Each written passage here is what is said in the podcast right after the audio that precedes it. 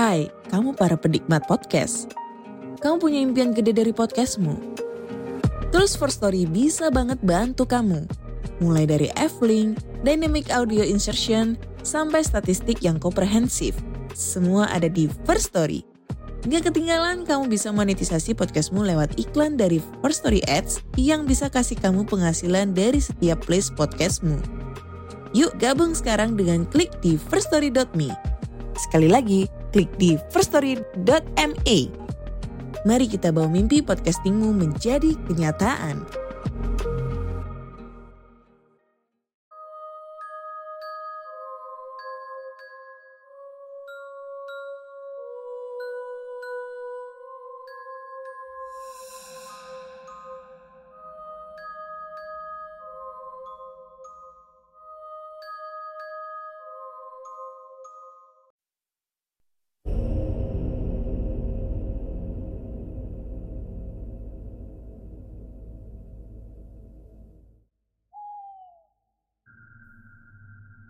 Assalamualaikum warahmatullahi wabarakatuh. Halo semuanya. Jumpa lagi dengan saya Chow Sing Sing Kurator dari podcast horror Night Story. Halo apa kabar semuanya? Semoga kalian semua sehat-sehat ya.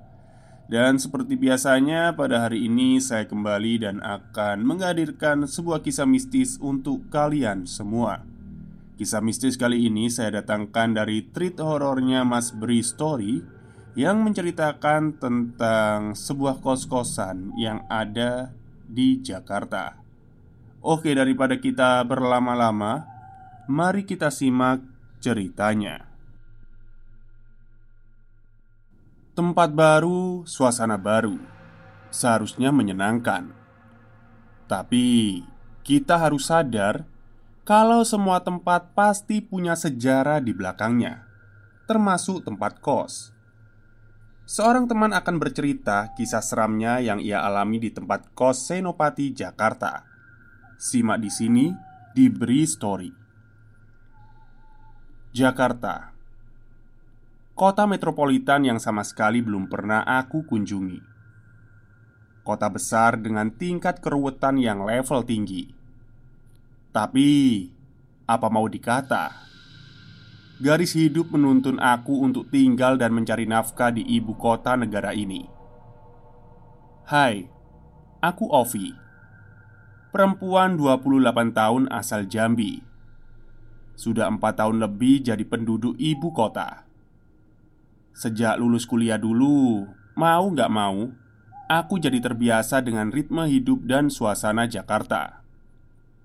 Mungkin sama dengan banyak orang lain yang juga berstatus sebagai pendatang. Waktu awal tinggal di Jakarta, aku harus melewati masa adaptasi yang sangat berat. Suasana lingkungan, orang-orangnya, ritme hidup, semua sangat berbeda dengan yang aku rasakan dan aku alami sejak kecil di kampung halaman. Semuanya berbeda jauh, termasuk masalah tempat tinggal. Kalau di Jambi, sejak lahir sampai kuliah, aku tinggal di rumah orang tua bersama anggota keluarga lainnya. Di Jakarta, aku harus ngekos sendirian, tinggal di tempat baru dan lingkungan yang baru. Ngomong-ngomong tentang kos, selama ini aku sudah merasakan tiga tempat yang berbeda, berpindah dengan segala pertimbangan dan penyebabnya. Kenapa aku bisa sampai tiga kali pindah kos? Pindah kos yang pertama. Karena awalnya aku memang buru-buru Untuk segera dapat tempat tinggal. Jadi ya aku agak sembarangan memilih tempat kos. Dengan pikiran Ya sudahlah Yang penting ada tempat tinggal dulu. Dan hasilnya aku nggak betah dengan lingkungannya. Terlalu bebas sih menurutku. Gak lama hanya tiga bulan Akhirnya aku memutuskan untuk cari kos baru Tempat kos yang kedua ini tempatnya enak. Homey banget lah. Letaknya di tengah kota. Tapi hanya sekitar enam bulan saja aku tinggal di tempat ini. Kenapa kok cuma enam bulan? Karena nggak tahan. Dengan ketakutan konstan yang aku alami. Sampai akhirnya aku menemukan tempat kos ketiga Di daerah Gandaria. Sampai sekarang aku masih tinggal di tempat ini. Nah, Malam ini, aku akan menceritakan tentang pengalamanku saat tinggal di tempat kos yang kedua. Tempat kos yang sangat nyaman, seperti yang kubilang tadi. Hanya sekitar enam bulan aku tinggal di sana. Sebentar, uh, enggak, itu cukup lama bila melihat perjalanannya. Sampai aku memutuskan untuk pindah karena nggak tahan dengan kejadian-kejadian seram yang makin lama makin sering terjadi. Begini ceritanya. Seperti yang sudah sedikit aku bahas tadi, kos pertama memang aku pilih karena terpaksa. Saat itu harus sudah punya tempat tinggal, jadi ya seadanya saja lah. Dan benar di situ aku sama sekali nggak betah. Sudah lokasinya jauh dari tempat kerja, agak kumuh. Pokoknya banyaklah hal yang akhirnya memaksaku untuk mencari kos baru dan pindah secepatnya. Ya sudah, dengan bantuan dari OB kantor, aku akhirnya menemukan kos yang menurutku cukup nyaman dan sangat ramah. Dari beberapa tempat survei, akhirnya rumah kos ini yang aku pilih. Letaknya relatif dekat dengan kantor. Perusahaan tempatku bekerja berkantor di salah satu gedung di kawasan SCBD. Sementara tempat kos yang aku taksir ini letaknya di Senopati, benar-benar dekat. Kalau mau rela untuk sedikit berkeringat, maka aku bisa saja berjalan kaki pulang pergi kantor. Cukup sekali berkunjung dengan tujuan survei untuk melihat keadaannya. Aku langsung memutuskan untuk segera pindah ke tempat baru ini. Hingga pada satu hari, Sabtu di bulan Mei 2016, aku pindah ke tempat yang baru, tempat kos keduaku di Jakarta. Kos ini berbentuk rumah besar Rumah yang letaknya di tengah-tengah perumahan yang besar juga. Bisa dibilang perumahan orang kaya. Akan tetapi untuk wilayah kota besar Perumahan ini cukup sepi. Jalan kompleksnya cukup lebar Dengan pohon rindang di kanan dan kiri. Jarang sekali terlihat penghuninya berinteraksi di luar rumah Paling hanya mobil mewah keluar masuk garasi dari setiap rumahnya Selebihnya sepi Rumah kos yang akan aku tempati juga begitu. Rumahnya besar dengan halaman yang cukup luas. Garasinya cukup untuk empat mobil. Nah, di belakangnya ternyata memiliki delapan kamar yang sengaja dibangun untuk disewakan sebagai tempat kos.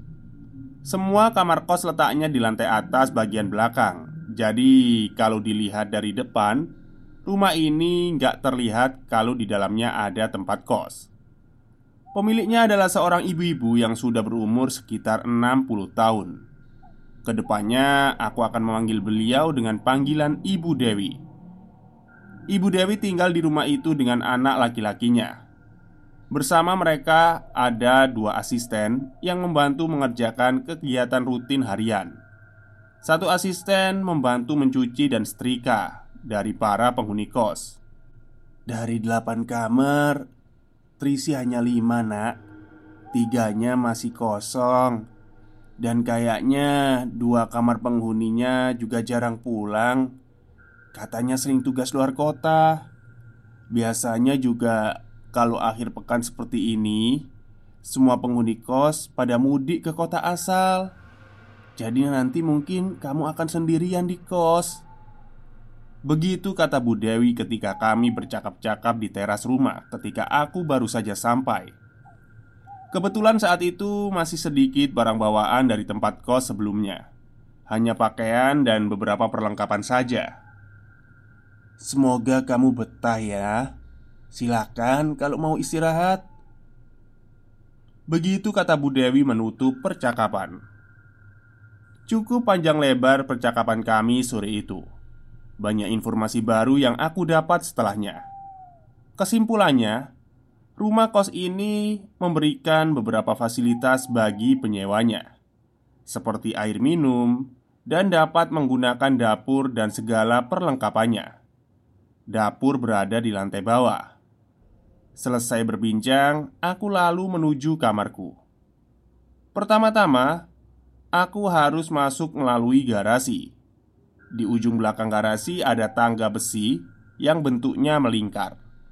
Jadi aku harus berputar dua atau tiga kali menaikinya untuk sampai ke atas Ketika sudah sampai di atas barulah terlihat kalau rumah ini punya banyak kamar kos Kamarnya ada delapan Paling depan dekat tangga ada tiga kamar mandi untuk penghuni Lalu setelah itu akan melewati dua kamar yang berhadapan Setelahnya ada ruang besar berisi sofa, meja, kursi, dan TV Serta galon air minum Sepertinya ini adalah ruang tamu atau ruang tempat bersantai.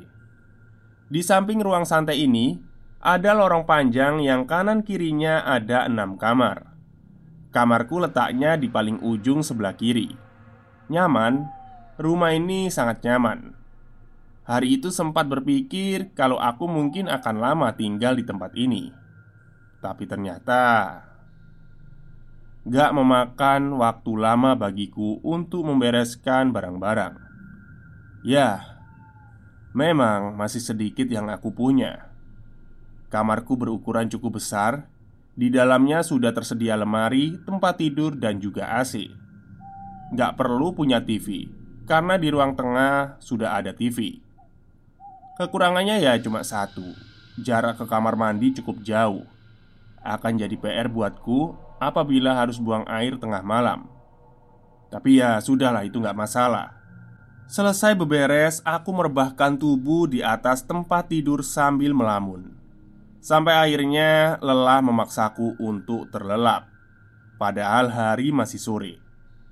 Cukup lama aku tertidur sampai akhirnya terbangun kaget karena sadar kalau ternyata sudah hampir jam 9 malam.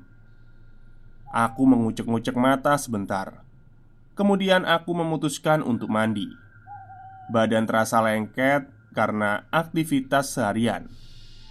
Membawa handuk dan perlengkapan mandi, aku lalu keluar kamar menuju kamar mandi.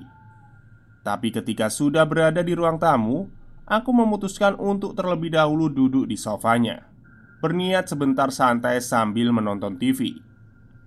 Sendirian aku di depan TV dan aku yakin juga kalau sedang sendirian di lantai atas ini.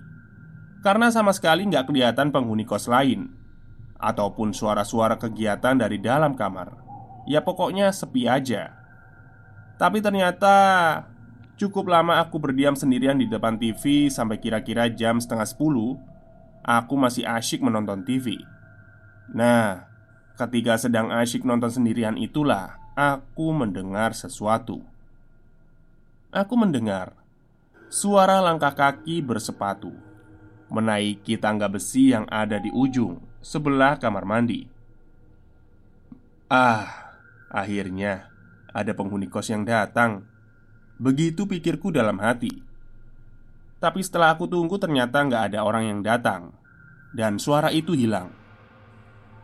Karena penasaran, aku menoleh ke belakang, ke arah tangga.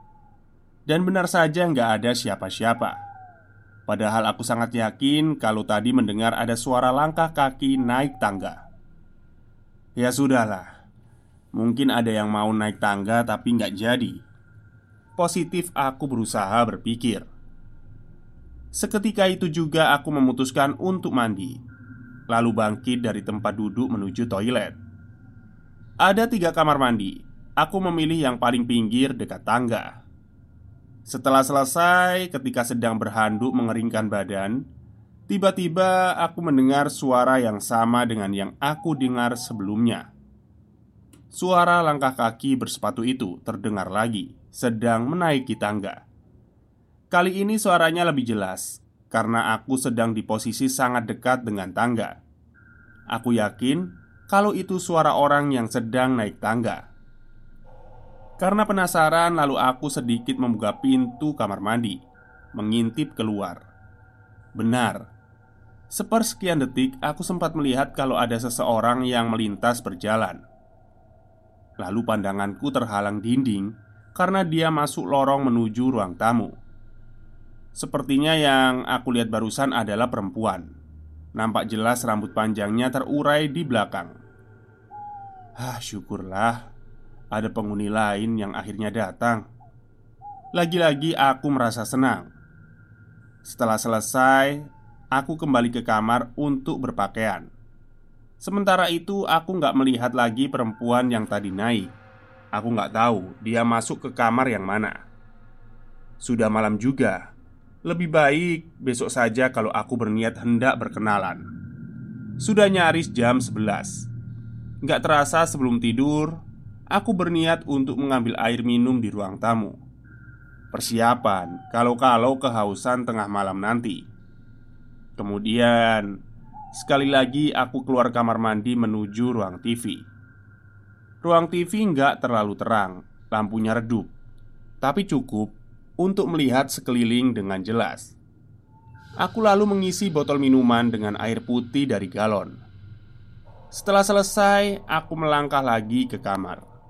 Ketika sedang tepat berada di depan kamar yang letaknya persis di depan kamarku, selintas aku mendengar sesuatu. Ada suara tawa perempuan dari kamar itu. Suara tawa diselingi dengan gumaman yang gak jelas. Oh, Ternyata perempuan tadi kamarnya di sini. Begitu pikirku. Gak terlalu penasaran, lalu aku masuk ke kamar dan menutup pintu. Di kamar gak langsung tidur, karena sore tadi tidurku cukup lama. Jadinya rasa kantuk gak juga muncul.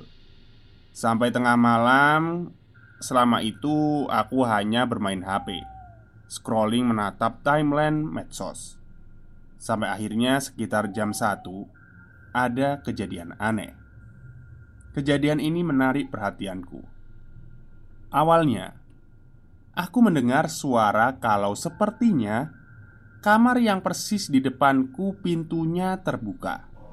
Sepertinya penghuninya hendak keluar Tapi setelah pintu itu terbuka Gak ada suara lagi Hening dan sepi Sampai akhirnya aku mendengar ada suara perempuan yang sedang menangis. Ya, ada perempuan menangis. Aku lalu berdiri melangkah mendekati pintu, mendekatkan telinga, menajamkan pendengaran. Coba menangkap suara dari luar. Dan benar, ada perempuan menangis terseduh-seduh. Bukan menangis dengan suara keras, tapi pelan tertahan. Aku yakin juga kalau suara itu asalnya bukan dari dalam kamar, tapi dari lorong depan. Ada perempuan yang sedang menangis di depan kamarku. Seketika itu juga batinku berperang antara hendak membuka pintu lalu melihat keluar atau membiarkannya saja dan kembali tidur. Tapi pada akhirnya aku memutuskan untuk membuka pintu. Perlahan kurai gagang pintu lalu memutarnya ada perasaan ragu dalam hati. Makanya aku sangat pelan membuka pintu itu. Sampai akhirnya pintu terbuka lebar. Lorong kamar terlihat gelap. Penerangan hanya bersumber dari lampu yang ada di kamarku saja. Pandangan langsung kuarahkan ke kamar depan. Ternyata kosong, gak ada siapa-siapa. Gak ada orang, gak ada perempuan menangis, Pintu kamar depan juga kembali tertutup rapat. Lalu siapa yang menangis tadi? Tiba-tiba aku merinding seketika itu juga dan langsung menutup pintu. Di atas tempat tidur, aku mulai merinding ketakutan. Siapa perempuan menangis tadi? Entahlah. Intinya malam minggu itu aku habiskan dengan tidur gak nyenyak. Memikirkan peristiwa yang baru terjadi sebelumnya. Hari minggunya, aku bangun siang. Sekitar jam 11 baru benar-benar terjaga. Setelah itu aku memutuskan untuk mandi. Tapi ketika lewat ruang TV dalam perjalanan menuju toilet Aku melihat ada seseorang yang sedang duduk menonton TV Eh, penghuni baru ya? Perkenalkan, gue Aldi Hehe Aldi. Saat itu juga kami berkenalan lalu berbincang panjang lebar. Aldi sepertinya laki-laki yang baik dan menyenangkan. Kantornya di SCBD juga sama dengan aku. Gue biasanya kalau weekend pulang ke Karawang, tapi semalam nginep di kosannya temen sih, baru sampai juga. Begitu Aldi bilang Sendirian dong lo di sini tadi malam ya? Kan pada minggat semua kalau weekend Enggak bang Kayaknya sekitar jam 10an gitu ada yang dateng deh Jawabku Lah tumben Siapa yang dateng? Dari kamar mana? Itu bang kamar yang itu. Jawabku lagi sambil menunjuk kamar yang letaknya di belakang TV Persis di depan kamarku. Emang ada orang baru juga ya? Tanya Aldi lagi. Gak tahu bang. Setauku yang pindahan kemarin cuma aku deh. Oh gitu. Aldi mengangguk pelan Tapi dari raut wajahnya kelihatan kalau dia sepertinya agak bingung mendengar jawabanku Setelah itu Aldi seperti sengaja mengalihkan pembicaraan Dari percakapan siang itu Aku jadi dapat mendapatkan informasi tambahan tentang tempat kos ini Menurut Aldi, yang paling sering tinggal di sini hanya dia dan Asti. Dua penghuni lainnya jarang sekali kelihatan. Waktu itu Asti sedang mudik ke rumahnya yang ada di Bandung. Siang hingga sore, aku habiskan berbincang dengan Aldi. Senang rasanya punya teman baru yang menyenangkan. Hari-hari berikutnya aku jalani di rumah ini Sampai akhirnya aku kenal dengan semua penghuni kos tapi seiring berjalannya waktu, semakin banyak kejanggalan dan keanehan yang aku rasakan. Awalnya hanya kejanggalan aneh kecil yang bisa dianggap remeh. Contohnya seperti aku mendengar suara orang naik tangga padahal nggak ada siapa-siapa. TV yang tiba-tiba menyala sendiri dengan volume tinggi. Keanehan itu banyak terjadi ketika aku benar-benar sendirian di kos itu. Di akhir pekan, ketika semua penghuninya mudik atau bermalam di tempat lain, kecuali aku, awalnya semua kejanggalan itu aku anggap angin yang lalu. Gak aku pedulikan lah. Tapi lama-kelamaan semakin menjadi-jadi. Sementara penghuni kos lain seperti menghindar ketika aku membuka percakapan untuk membahasnya.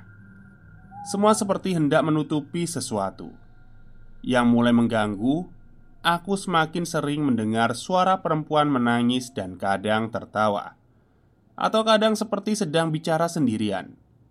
Semua itu aku mendengarnya dari kamar depan atau lorong depan kamar. Siapa perempuan itu? Aku nggak tahu, karena ya itu tadi. Penghuni lain nggak pernah mau menjelaskan. Ya sudahlah, Aku anggap penghuni kamar depan mungkin salah satu penghuni yang sering keluar kota. Mungkin saja. Sampai akhirnya ada kejadian sangat seram yang membuat aku memutuskan untuk pindah mencari kos lain. Aku masih ingat. Waktu itu Jumat malam. Semua penghuni sudah meninggalkan tempat kos untuk pulang ke rumah masing-masing atau ke tempat lain. Tinggal aku sendirian seperti biasanya. Sepulang kerja, selesai beberes dan mandi, aku menghabiskan waktu di depan TV. Sendirian aku asyik tertawa cekikikan karena kelucuan acara yang sedang tayang. Terkadang tawaku kencang karena saking lucunya. Waktu itu belum terlalu malam, masih jam 9 tapi semakin malam, acara TV semakin lucu dan menarik. Aku semakin sering tertawa cekikikan lepas Sampai ketika aku harus mengecilkan volume TV Karena mendengar ada yang aneh. Sepertinya beberapa menit terakhir aku nggak tertawa sendirian. Seperti ada suara tawa lain yang mengiringi tawaku. Seperti aku sedang tertawa berdua. Entah dengan siapa. Setelah TV sudah senyap, suasana menjadi hening. Gak ada suara apa-apa. Ah, mungkin penghuni di bawah yang lagi cekikikan. Pikirku begitu. Ya sudahlah. Aku lalu kembali menaikkan volume TV dan kembali asyik menonton acaranya. Tapi sekitar jam 10 lewat, tiba-tiba kantuk datang. Lelah tubuh membuatku nggak tahan lagi untuk terlelap Dan akhirnya aku tertidur di sofa depan TV. Ada suara cekikikan. Cekikikan perempuan dan suara itu membangunkanku dari tidur. TV masih menyala. Di atasnya ada jam dinding yang jarum pendeknya menunjuk ke angka satu. Sudah lewat tengah malam ternyata. Sekali lagi suara itu terdengar. Siapa yang cekikikan tengah malam begini? Suara tawa yang sangat jelas terdengar. Dari arahnya, aku yakin kalau asalnya dari sekitar kamar mandi. Yang tadinya lemas karena baru saja terjaga, aku jadi segar karena suara ini. Suara yang tentu saja membuat suasana jadi mencekam dan semakin mencekam. Bulu kuduku kembali berdiri. Aku merinding ketika suara cekikikan itu kembali muncul. Rasa takut mulai memonopoli isi jiwaku, menyeruak ke seluruh rongga kepala. Pada detik itu, aku memutuskan untuk meninggalkan ruang TV, lalu masuk kamar, melarikan diri. Namun, ketika sudah bangkit dari duduk dan ingin melangkah kembali ke kamar, Ketika posisi sudah berada di tempat yang bisa melihat kamar mandi, refleks. Aku menoleh ke kiri. Karena mendengar tawa cekikikan itu sekali lagi. Pada saat itulah akhirnya aku bisa melihat sumber suara itu. Di ujung lorong, di sebelah kamar mandi, depan tangga besi, aku melihat sosok perempuan sedang duduk di lantai dengan rambut panjang yang terurai. Wajahnya pucat dengan lingkar gelap di sekitar mata. Dengan mimik seram, lagi-lagi dia tertawa cekikikan sambil menatap tajam. Sontak aku langsung mempercepat langkah menuju kamar. Tapi ketika sudah tepat berada di depan pintu, lagi-lagi aku melirik ke tempat sosok perempuan seram itu berada semakin mengerikan karena ternyata dia sudah nggak di posisinya, sudah nggak duduk lagi. Sosok seram itu kini sedang berjalan pelan, menyusuri lorong menuju tempat aku berada. Di ujung mata, aku masih dapat melihat kalau perempuan itu semakin dekat dan semakin dekat. Tapi akhirnya aku sukses membuka pintu. Cepat-cepat aku masuk kamar, lalu menutup pintu rapat-rapat tempat tidur adalah tujuan utama. Sambil berselimut, aku terbaring di atasnya. Suasana semakin mencekam karena selama itu pula suara tawa cekikikan terus terdengar semakin jelas. Sialnya, aku lupa mengunci pintu. Gagang pintu kamar bergerak-gerak sendiri. Ada yang coba membukanya dari luar gemetaran tubuhku, nyaris nangis. Akhirnya, pintu kamarku perlahan terbuka. Aku berdiri menatap tajam. Dia pun ada di sana, tersenyum dengan wajah datar tanpa ekspresi. Kemudian dia mulai bergerak masuk ke dalam kamar. Kok saya tanya nggak tembus pintu aja ya? Aku yang sudah di puncak ketakutan melihat itu semua. Langsung menarik selimut hingga menutupi wajah. Sekali lagi dia tertawa. Dan kali ini terdengar Kalau dia sedang berdiri tepat di belakangku Di samping tempat tidur. Dan aku merasakan Ada yang menempel di punggungku. Aku yakin kalau sosok perempuan menyeramkan tadi kini terbaring di atas tempat tidur bersamaku. Dan benar saja, dia kembali tertawa pelan. Aku menangis dalam diam. Sungguh peristiwa seram yang pernah aku alami selama hidup. Gak berpikir panjang, besoknya aku langsung memutuskan untuk cari tempat kos baru karena aku takut. Sambil menunggu dapat kos baru, aku menginap di rumah salah satu teman kantor dia berbaik hati untuk menampungku sementara waktu. Selang seminggu kemudian, aku bertemu Aldi di tempat kos. Pada saat itulah kami akhirnya bisa berbincang panjang lebar ketika memutuskan untuk makan malam bersama. Jadi, kamar depan kamar lo itu kosong dari dulu.